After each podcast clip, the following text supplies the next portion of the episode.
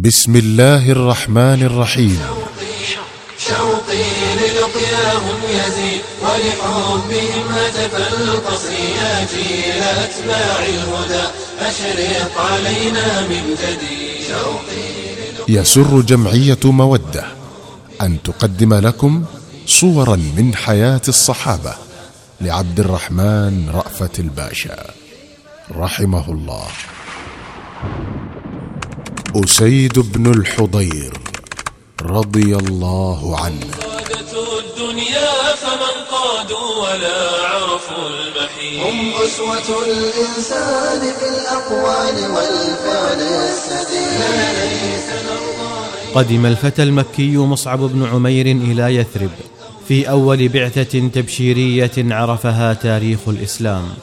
فنزل على أسعد بن زرارة أحد أشراف الخزرج واتخذ من داره مقاما لنفسه ومنطلقا لبث دعوته إلى الله والتبشير بنبيه محمد رسول الله. وأخذ أبناء يثرب يقبلون على مجالس الداعية الشاب مصعب بن عمير إقبالا كبيرا وكان يغريهم به عذوبة حديثه ووضوح حجته ورقة شمائله ووضاءة الإيمان التي تشرق من وجهه القسيم الوسيم. وكان يجذبهم إليه شيء آخر فوق ذلك كله هو هذا القرآن الذي كان يتلو عليهم بين الفينة والفينة بعضا من آياته البينات بصوته الشجي الرخيم ونبراته الحلوة الآسرة فيستلين به القلوب القاسية ويستدر الدموع العاصية فلا ينفض المجلس من مجالسه إلا عن أناس أسلموا وانضموا إلى كتائب الإيمان. وفي ذات يوم خرج أسعد بن زرارة بضيفه الداعية مصعب بن عمير ليلقى جماعة من بني عبد الأشهل ويعرض عليهم الإسلام. فدخلا بستانا من بساتين بني عبد الأشهل وجلسا عند بئرها العذبة في ظلال النخيل. فاجتمع على مصعب جماعة قد أسلموا وآخرون يريدون أن يسمعوا. فانطلق يدعو ويبشر والناس إليه منصتون وبروعة حديثه مأخوذون. فجاء من أخبر أسيد بن الحضير وسعد بن معاذ وكانا سيدي الأوس بأن الداعية المكي قد نزل قريبا من ديارهما وأن الذي جرأه على ذلك أسعد بن زرارة. فقال سعد بن معاذ لأسيد بن الحضير لا أبا لك يا أسيد انطلق إلى هذا الفتى المكي الذي جاء إلى بيوتنا ليغري ضعفاءنا ويسفه آلهتنا. وازجره وحذره من أن يطأ ديارنا بعد اليوم. ثم أردف يقول ولولا أنه في ضيافة ابن خالتي أسعد بن زرارة وأنه يمشي في حمايته لكفيت كذلك. أخذ أسيد حربته ومضى نحو البستان. فلما رآه أسعد بن زرارة مقبلا قال لمصعب ويحك يا مصعب هذا سيد قومه وأرجحهم عقلا وأكملهم كمالا. أسيد بن الحضير فإن يسلم تبعه في إسلامه خلق كثير فاصدق الله فيه وأحسن التأتي له. وقف أسيد بن الحضير على الجمع والتفت إلى مصعب وصاحبه وقال ما جاء بكما إلى ديارنا وأغراكما بضعفائنا. اعتزلا هذا الحي إن كانت لكما بنفسيكما حاجة.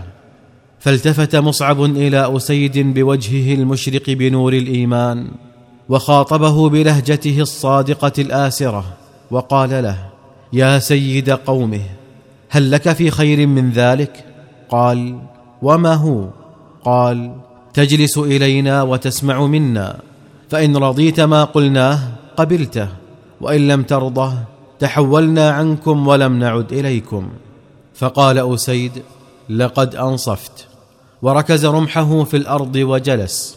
فأقبل عليه مصعب يذكر له حقيقة الإسلام ويقرأ عليه شيئا من آيات القرآن. فانبسطت أساريره وأشرق وجهه وقال ما أحسن هذا الذي تقول وما أجل ذلك الذي تتلو؟ كيف تصنعون إذا أردتم الدخول في الإسلام؟ فقال له مصعب تغتسل وتطهر ثيابك وتشهد أن لا إله إلا الله وأن محمدا رسول الله وتصلي ركعتين. فقام إلى البئر فتطهر بمائها وشهد أن لا إله إلا الله وأن محمدا عبده ورسوله وصلى ركعتين. فانضم في ذلك اليوم إلى كتائب الإسلام فارس من فرسان العرب المرموقين وسيد من سادات الأوس المعدودين. كان يلقبه قومه بالكامل لرجاحة عقله ونبالة أصله ولأنه ملك السيف والقلم. إذ كان بالإضافة إلى فروسيته ودقة رميه قارئا كاتبا في مجتمع ندر فيه من يقرأ ويكتب.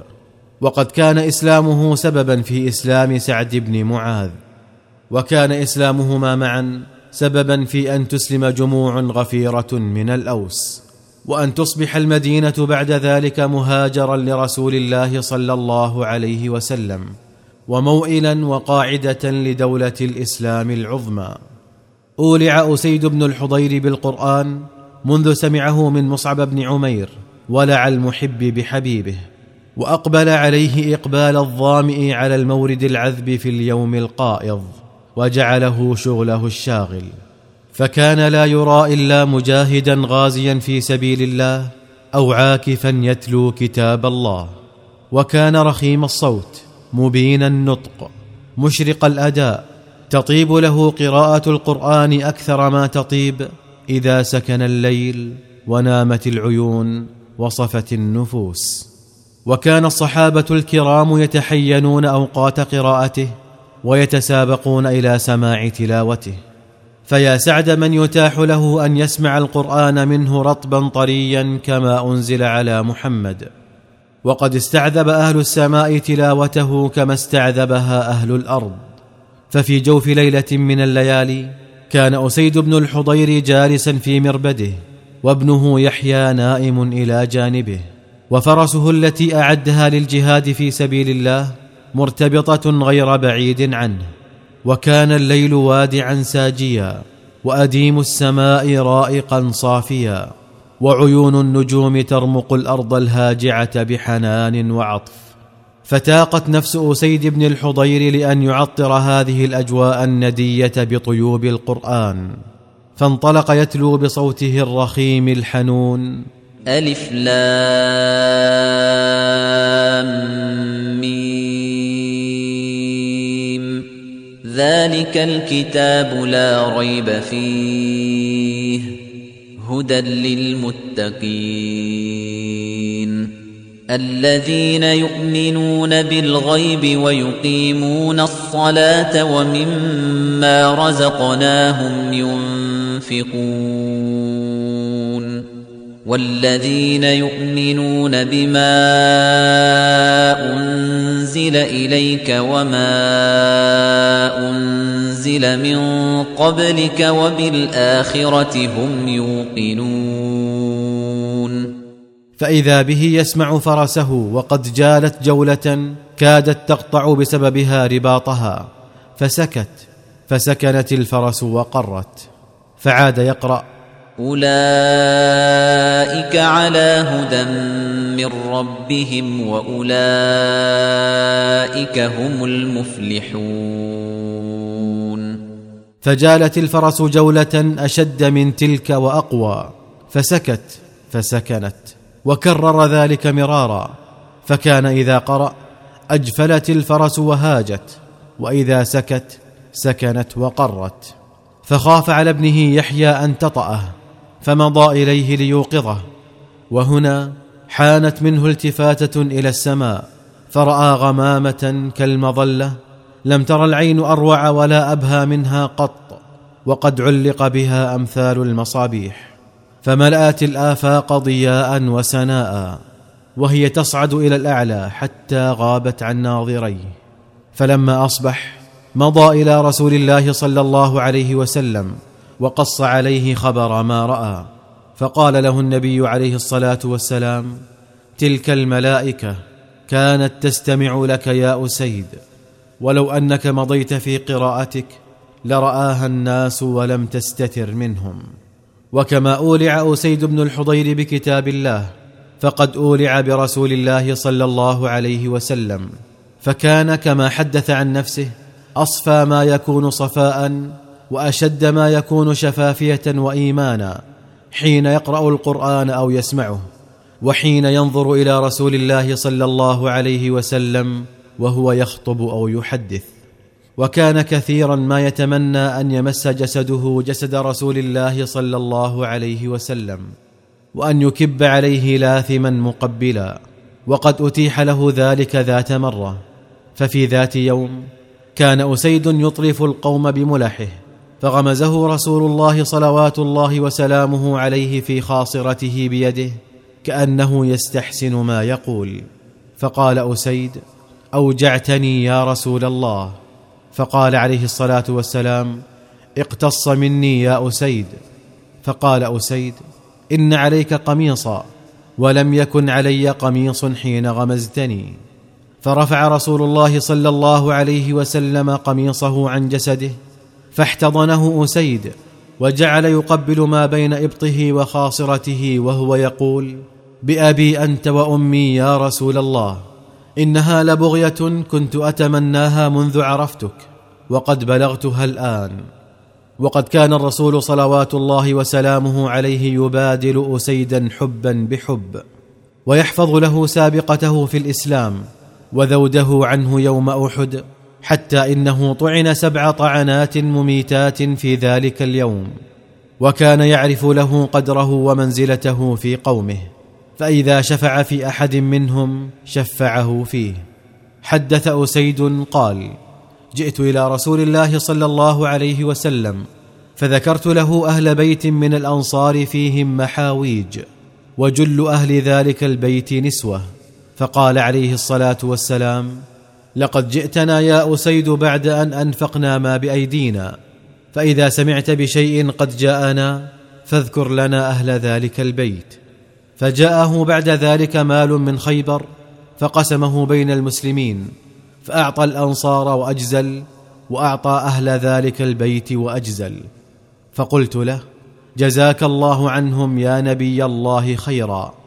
فقال وأنتم معشر الأنصار جزاكم الله أطيب الجزاء فإنكم ما علمت أعفة صبر وإنكم ستلقون أثرة بعدي فاصبروا حتى تلقوني وموعدكم الحوض.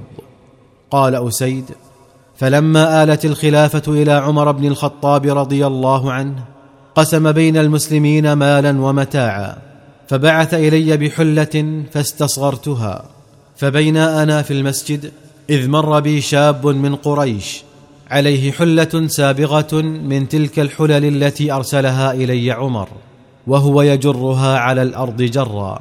فذكرت لمن معي قول رسول الله صلى الله عليه وسلم إنكم ستلقون أثرة من بعدي. وقلت صدق رسول الله صلى الله عليه وسلم.